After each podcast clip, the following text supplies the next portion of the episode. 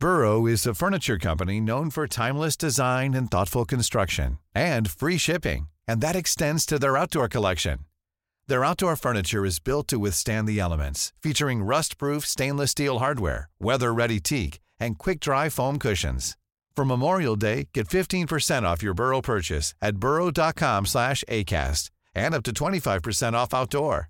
That's up to 25% off outdoor furniture at burrow.com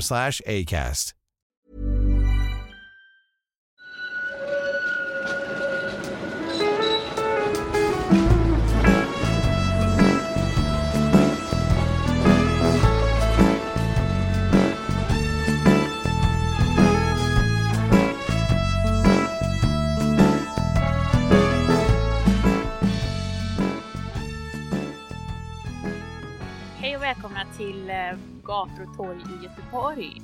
Podden som lokaltidningen Göteborg Direkt gör tillsammans med Mattias Axelsson, historieexpert, lärare och även krönikör i eh, vår tidning. Och idag är jag, Lina Isaksson, med på plats här i Slakthusområdet. Ja, vi sitter ju här i utkanten av slakthusområdet, eller vid den gamla entrén. Vi har fått ett bord här på Krilles grill. Och jag har fått in en alldeles fantastisk stekfrukost med både bacon, falukorv, stekt potatis och lite sallad. Eh, Vi befinner oss ett stenkast från Gamlestads torg. Ja, det här nybyggda resecentrum som eh, inte är så jättegammalt. Och det råder ju lite förvirring här om eh, namnen på de här platserna. Ja, vi har ju skrivit i tidningen om den här namnförvirringen. Det är boende som bor på Gamlestadstorget och det nya resecentret ligger ju då på Gamlestadstorg 1, så nummer 1. Precis, det är, det är jätteförvirrande. Och anledningen till att den här namnförvirringen har uppstått, det är ju att när man bygger det nya resecentrumet så flyttar man ju den gamla adressen, Gamlestadstorget, en bit eh, närmare stan. Eh, så, och det som den här bostadsrättsföreningen irriterar sig på, de, det finns ju en, en gata som egentligen bara är en återvändsgata som heter Gamlestadstorget. Alltså det är adressen Gamlestadstorget.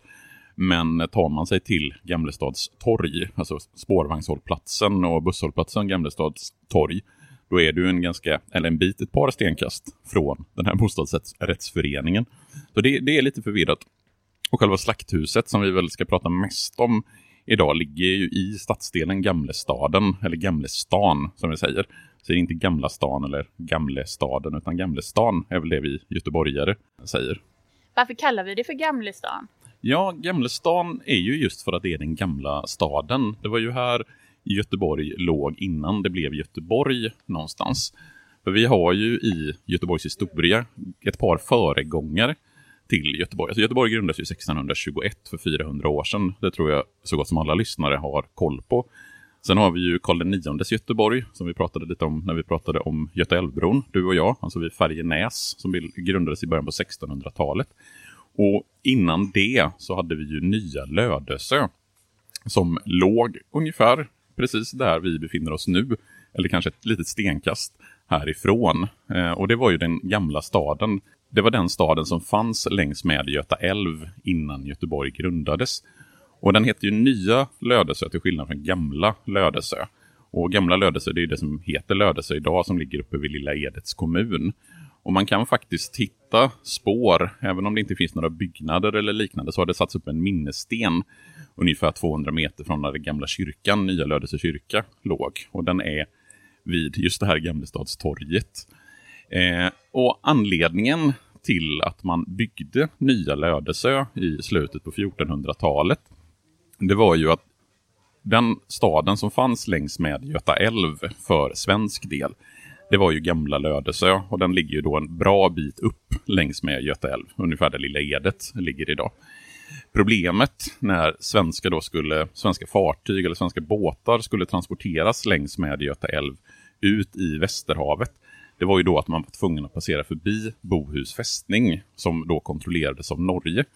Och problemet var att Norge kontrollerade båda sidorna av älven uppe vid Bohus fästning, vilket gjorde att svenska fartyg var tvungna att betala tull till norrmännen när man skulle ta fartygen från Lödöse, alltså gamla Lödöse, ner genom Västerhavet. Så 1473 så beslutade den dåvarande riksföreståndaren Sten Sture den äldre om att man skulle bygga en ny stad. Och då skulle, bygga, skulle man bygga den vid Säveåns utlopp. Alltså där eh, Säveån rinner ut i Göta älv. Och tanken var från början att man skulle bygga det på en holme som hette Sävaholmen. Och det är ganska precis där vi sitter just nu, alltså där slakthuset, eh, slakthusområdet ligger. Det var en holme tidigare. Nu har ju det vuxit ihop med fastlandet. Problemet var att marken var alldeles för sank på den här holmen, så istället så byggde man staden på fastlandet vid Säveåns mynning mitt emot eh, den här holmen. Och från början så fick staden namnet Götaholm. Och för att locka invånare från gamla Lödesö till nya Lödesö så gav man borgarna 20 års skattefrihet. Man gav dem samma tullfrihet som för Stockholm. Och man fick också Göteholm, som det då hette från början, fick massa områden, bland annat Kvibergs by, som stavades med Q eh, på 1400-talet. Känner ju igen namnet från idag. Samt Härlanda by, som också är ett namn sådär som lever kvar. Eh, man fick också rättigheter att fiska i älven och hugga träd i skogen för att få ved och virke eh, till sina hus. För att bygga upp den här nya staden. Så de människor som flyttade från gamla Lödöse till nya Lödöse, där vi nu sitter, de fick alltså ganska mycket förmåner från riksföreståndare Sten Sture. 1474 så bytte man namn från Götaholm till Nya Lödöse. Och under slutet av 1400-talet och början på 1500-talet, det här är ju dryga hundra år innan staden Göteborg grundas. Men i Sveriges historia så är vi inne i den perioden som kallas för, kallas för Kalmarunionen. Och den perioden präglas av ständiga konflikter mellan danska unionskungar och svenska riksföreståndare och unionsvänner och unionsmotståndare. Så 1501 så bränner danska befälhavare på Bohus fästning, Henrik Krummedike, ner stan. Och sen så har Kristian Tyrann också varit här och bråkat. Men när Gustav Vasa sen blir kung 1523, när han har drivit ut de eh, danska trupperna och besegrat Kristian Tyrann i befrielsekriget 1521-1523, då blir det något lugnare för staden.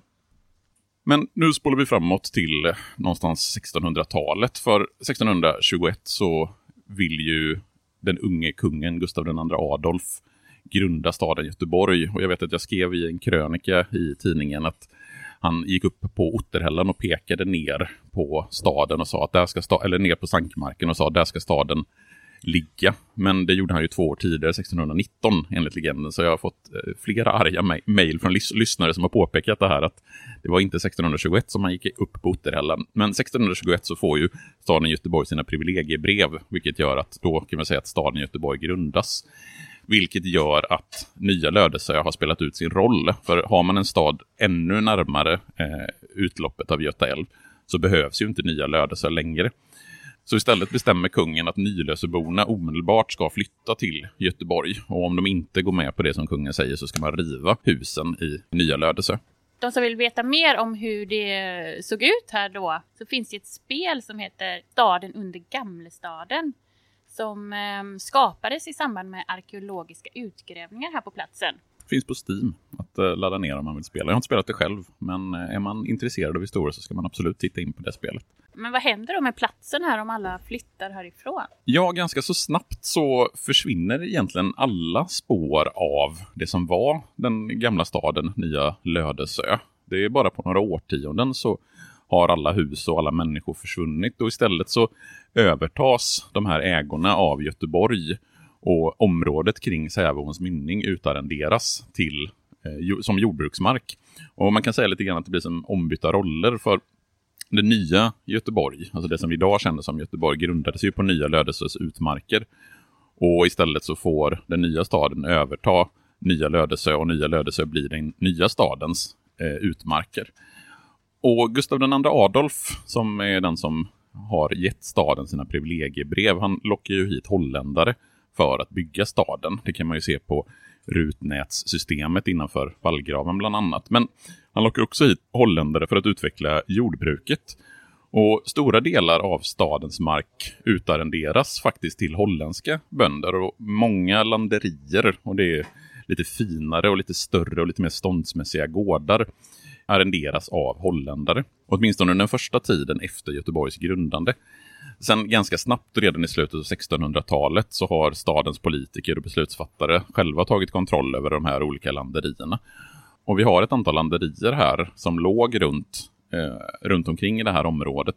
Där vi eh, känner igen namnen, bland annat här Kviberg som vi pratade om tidigare. Det är ju där Kvibergs regemente sen flyttar in. Vi har Kvibergs marknad idag. Eh, Härlanda och Bagaregårdens landerier och det är ju namn som vi känner igen sedan tidigare.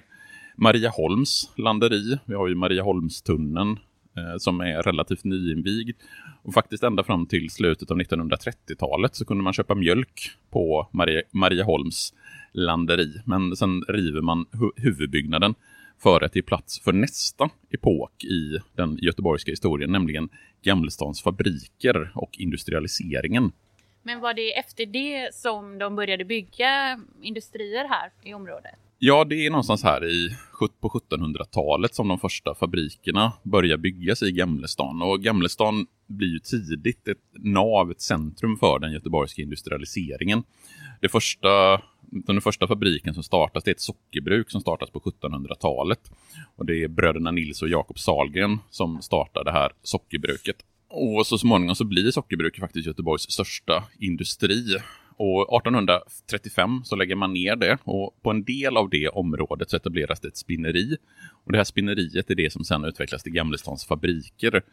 Och då befinner vi oss geografiskt på andra sidan Säveån härifrån. Sett om man står vid Gamlestads torg, alltså busshållplatsen, spårvagnshållplatsen Gamlestads torg och tittar ut över Säveån så ser man ju det område som idag kallas för Gamlestans fabrik. Men det, den industri som framförallt förknippas med Gamlestan det är ju förmodligen SKF. Och jag tänker att det skulle vi nästan kunna göra ett helt avsnitt om bara SKF och kullagerfabriken. Men väldigt kortfattat så är det ju en anställd på Gamlestans fabriker, Sven Winqvist, som i början på 1900-talet utvecklade det som har blivit känt som det självreglerande sfäriska kullagret och som lägger grund för Svenska kullagerfabriken SKF 1907 och som blir en enorm succé.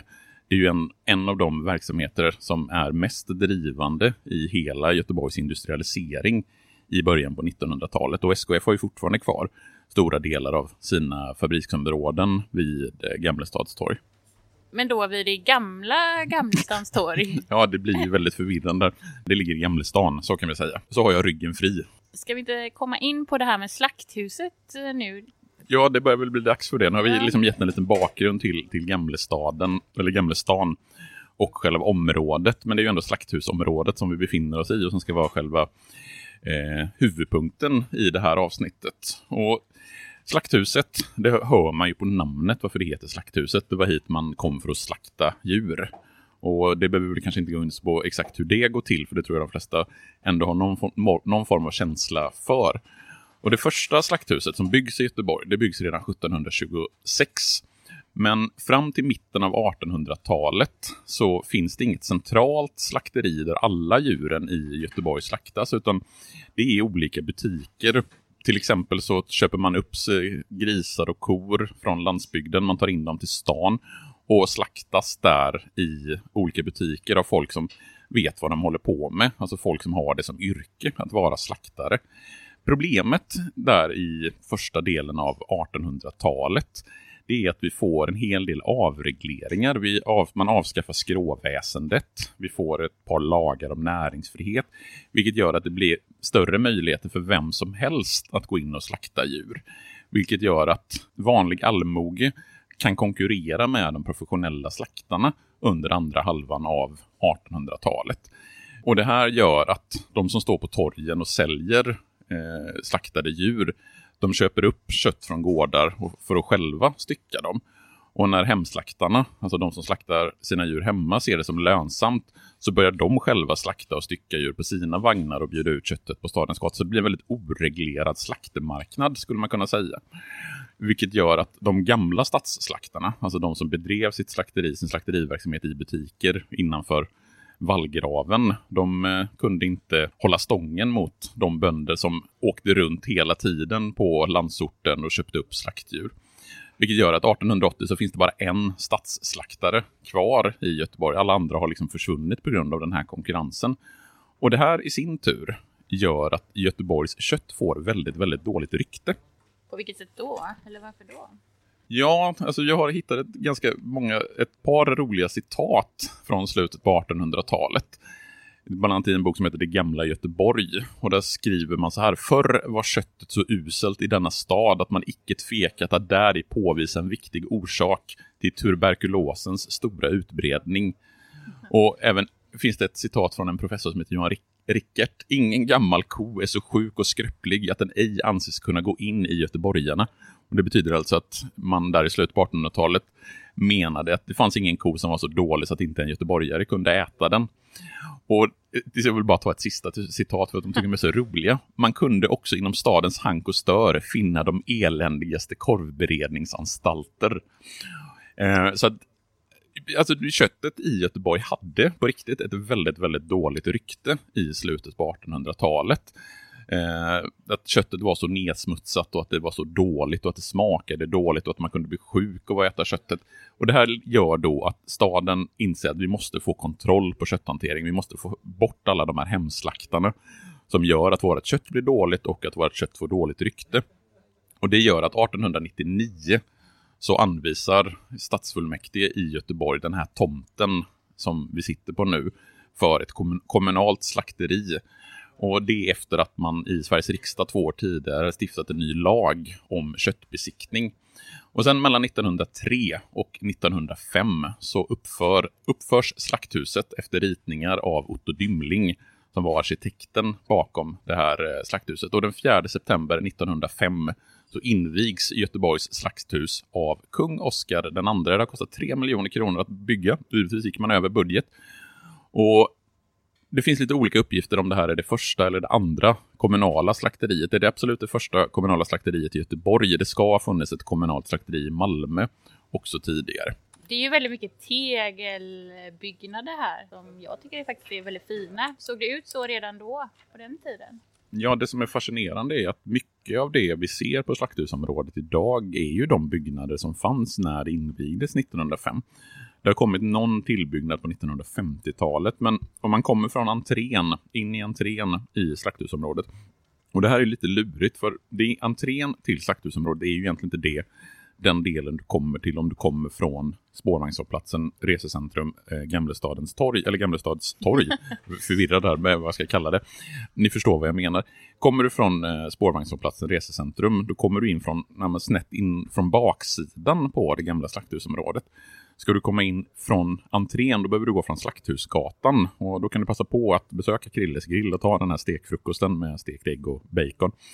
Men det du ser när du kommer in, det är ju först två ganska pampiga byggnader på varsin sida om, eh, om entrén. Och totalt sett så finns det 24 olika, eller fanns åtminstone 24 olika byggnader när slakthuset öppnades. Och det var 83 000 kvadratmeter. Det finns slakthallar, marknadshallar, administrationslokaler, bostäder, restauranger. Och när man har byggt färdigt slakthuset och när det har inbyggt så förbjuder man försäljning av kött som har slaktats på något annat ställe än just här på slakthuset. Och det var ju då ett sätt att få kontroll över slakteriverksamheten i Göteborg. Och om vi tänker oss att vi går in från det som är själva huvudentrén då, alltså från Slakthusgatan, så har vi de här två ganska pampiga byggnaderna på varsin sida och sen en byggnad rakt fram där det står Göteborgs slakthus med stora bokstäver. Sen på ömse sidor, på vänster respektive höger sida, om det här liksom mittfåran som går igenom slakthusområdet, så har vi på vänster sida slakthallar, före detta slakthallar, de används ju inte till det just längre. Utan först hade vi en slakthall för storboskap, till exempel hästar och kor. Och sen nästa var slakthall för svin, alltså för grisar.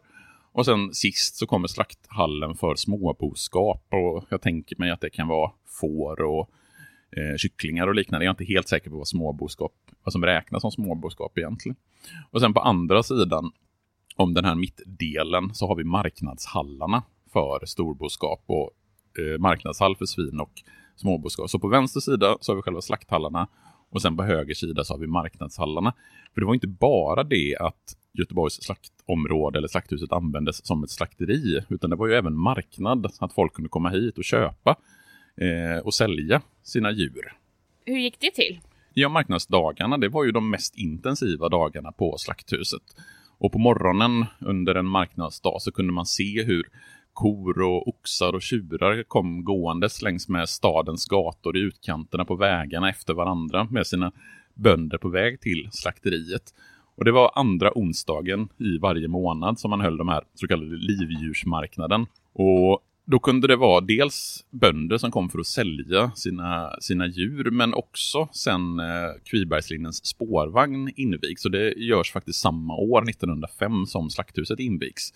Och det är den nya linjen mellan Olskrokstorget och Kviberg. Då kunde man åka spårvagn hit ut till slakthuset.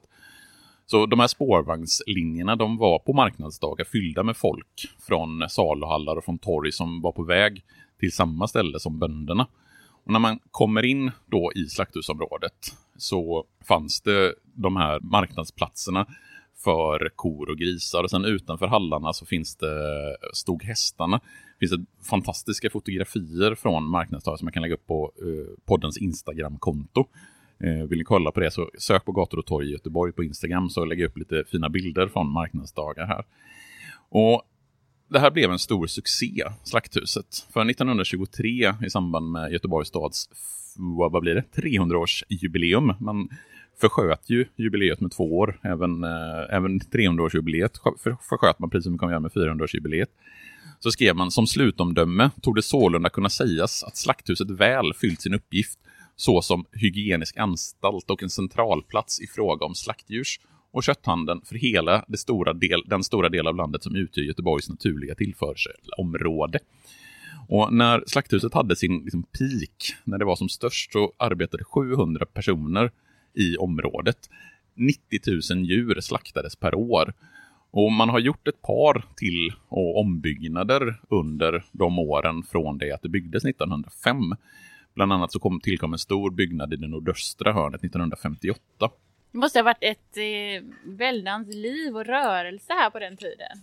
Ja, jag tänker att kontrasten är ganska slående. Jag var och promenerade runt i slakthusområdet för ett par dagar sedan.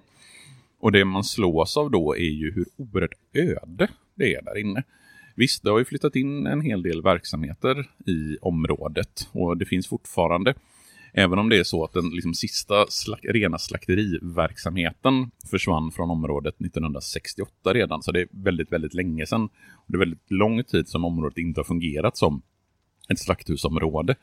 Men det har funnits kvar en del charkuterier och det finns fortfarande någon typ av köttverksamhet i några av lokalerna. Men, men det jag tycker man slås av det är ju verkligen det här hur öde området är. Och att då ställa det i kontrast till hur det kan ha varit. Och tittar man på bilder från slakthusområdet från första halvan av 1900-talet. Det är ju fullt med djur och det är fullt med människor. Du kan tänka dig att det jobbar 700 personer och att man slaktar 90 000 djur om året. Att det gör att det är liksom ett, ett väldigt levande, ja, levande område. Det är väl synd att säga när det ska slaktas djur, men, men det är ett område som där det verk, verkligen det händer saker. Det finns ju planer att försöka få lite liv i eh, området igen. Jag tänker på restaurangmäck lyckat som eh, vissa önskar att det ska bli. Det är väl kanske det som gör att slakthusområdet är intressant att prata om, inte bara ur ett historiskt perspektiv för vad det en gång har varit. För det är ju inte ett slakthusområde längre, det har inte slaktats djur här sedan som sagt 1968. Men, men det man vill göra med området, eh, jag läste någon artikel, jag vet inte om det var ni eller eh, konkurrenten som hade skrivit, att man vill omvandla slakthusområdet till ett nytt hipster-mecka. Och man har ju tagit inspiration från andra typer av områden som har genomgått samma typ av förvandling. Vi har ju bland annat Meatpacking District i New York. Det är ett sånt gammalt slakthusområde som idag är ett av Göteborgs absolut hippaste områden. Eh, sen har vi även Köttbyn i, eh, i Köpenhamn, tror jag det ligger. Som också är ett sånt område, en gammal slakt, slaktområde som man omvandlat där man vill ha eh, verksamhet som ölbryggning och restauranger och liknande. Och även i Stockholm finns det något slakthusområde som man har försökt göra samma sak med. Och, och, de verksamheter som har flyttat in här idag, vi har ju bland Wine Mechanics, Spike, Spike Brewery, Stadsjord. Jag vet att du har varit och mm. besökt vid något tillfälle. Ja, Slaktarens trädgård heter en liten um, odlingsförening, eller vad man ska kalla den för. Där, där man kan gå och köpa grödor då när säsongen är lite varmare. Men jag var också på något nytt som heter Hantverkshuset eller något liknande. Och när jag var inne där så kunde man verkligen se, där har de bevarat liksom kaklet och de här djurbåsen och eh, såna här eh, kedjor i taket och lite sådär. Ja, för det är, det är ju en sån här grej som man försöker göra numera istället för att riva som ju var väldigt populärt att göra på alltså mitten på 1900-talet. Det fanns ju planer på att man skulle riva hela, hela Gamlestan och göra om hela området. Men idag så är ju planerna och tankarna snarare att man vill bevara det gamla. Och ett sånt här område som Slakthusområdet som är byggt i just den stilen som det är byggt med de här, just som du säger, tegel, eh, tegelfasaderna gör ju det till ett ganska attraktivt område på det sättet. Att man vill nog bevara väldigt mycket av den gamla arkitekturen för att det i sin tur kan locka till sig olika typer av verksamheter. Och slakthusområdet, det är väldigt tydligt att det att man vill koppla ihop slakthusområdet med Gamlestan och de planer som finns för hela Gamlestan. Och som sagt, vi får nog nästan göra ett avsnitt om Gamlestadstorget vid något tillfälle och prata om Gamlestan, för det är också ett område som står inför stora förändringar under de kommande åren. Och tänker man hur det nya, den nya hållplatsen, nya resecentrum, eh, Gamlestads torg, eh, hur det har förändrat området och hur det liksom har på något sätt minskat det mentala avståndet mellan Gamlestan och Slakthusområdet. För tidigare så tänker jag att slakthusområdet låg liksom separat för sig själv. Det var liksom avskuret från Gamlestan. Det var en massa motorvägar och liknande som låg emellan. Vilket gjorde att även om det rent geografiskt låg ganska nära, att det var ganska nära mellan Gamlestan och slakthusområdet, så var den mentala barriären stor. Men idag så är det så väldigt tydligt att man försöker knyta ihop slakthusområdet med Gamlestads torg genom att man skyltar väldigt tydligt från spårvagnshållplats mot Slakthuset. Och kommer du från det hållet, alltså från resecentrum, så står det ju med stora skyltar Välkommen till Slakthuset. Så det är den vägen som jag tror att man tänker att man ska gå in i slakthusområdet snarare än genom den porten som, som ligger mot Slakthusgatan där man gick in tidigare.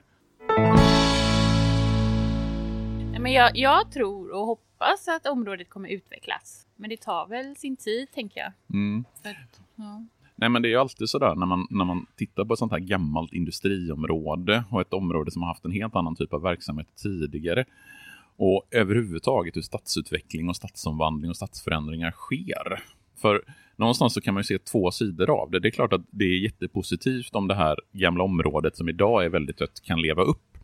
Om det blir restauranger och butiker och liknande som drar människor hit så att området får liksom lite liv och rörelse. Problemet blir också och det, är då vi kommer in på det vi kallar för gentrifiering som vi har pratat i ett flertal avsnitt om. Att om området då också får en högre status så kommer verksamheter som till exempel Krilles grill här förmodligen inte kunna vara kvar. För jag tror att Krilles grill kan vara här för att hyran är relativt låg. Men blir området hippt och populärt så kommer du förmodligen flytta in någon restaurang som säljer högrevsburgare på väldigt fint speciellt kött istället för de här goda stekfrukostarna som jag satt i mig här nu på, på eh, förmiddagen. Och hur det också kommer påverka eventuellt hela Gamlestan. För att problemet är inte att gamla lokaler i slakthusområdet får ny verksamhet om de ändå har stått tomma. Jag tror ingen gråter över det. Problemet blir ju när det spiller över på resten av området, när resten av området, när resten av Gamlestan får ett bättre rykte, vilket gör att fastighetsägarna kan höja hyrorna, vilket gör att både verksamheter och människor tvingas flytta i det som vi kallar, kallar för renovräkningar. Det vill säga att man då inser att man kan höja hyran genom att renovera för att man kan locka till sig människor som har större plånböcker. Så det här med hur ett område utvecklas, det är ju alltid dubbelt på något sätt. Man vill att det ska bli levande, man vill att det ska bli finare, man vill att det ska bli mer människor, men samtidigt så finns det alltid en risk att människor trängs undan ifrån ett område. Så vi får helt enkelt se vad som händer med slakthusområdet och med Gamlestan. Det var allt från Slakthuset i podden Gator och torg i Göteborg med mig Lina Isaksson och Mattias Axelsson, vår historieexpert. Vi hörs igen om två veckor. Hej då! Hej då!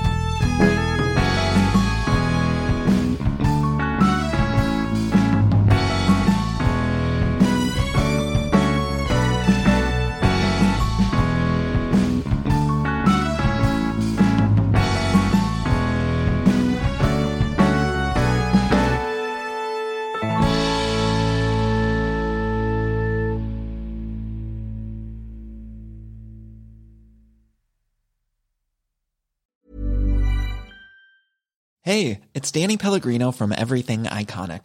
Ready to upgrade your style game without blowing your budget? Check out Quince. They've got all the good stuff shirts and polos, activewear, and fine leather goods, all at 50 to 80% less than other high end brands. And the best part? They're all about safe, ethical, and responsible manufacturing. Get that luxury vibe without the luxury price tag. Hit up quince.com slash upgrade for free shipping and 365 day returns on your next order. That's quince.com slash upgrade.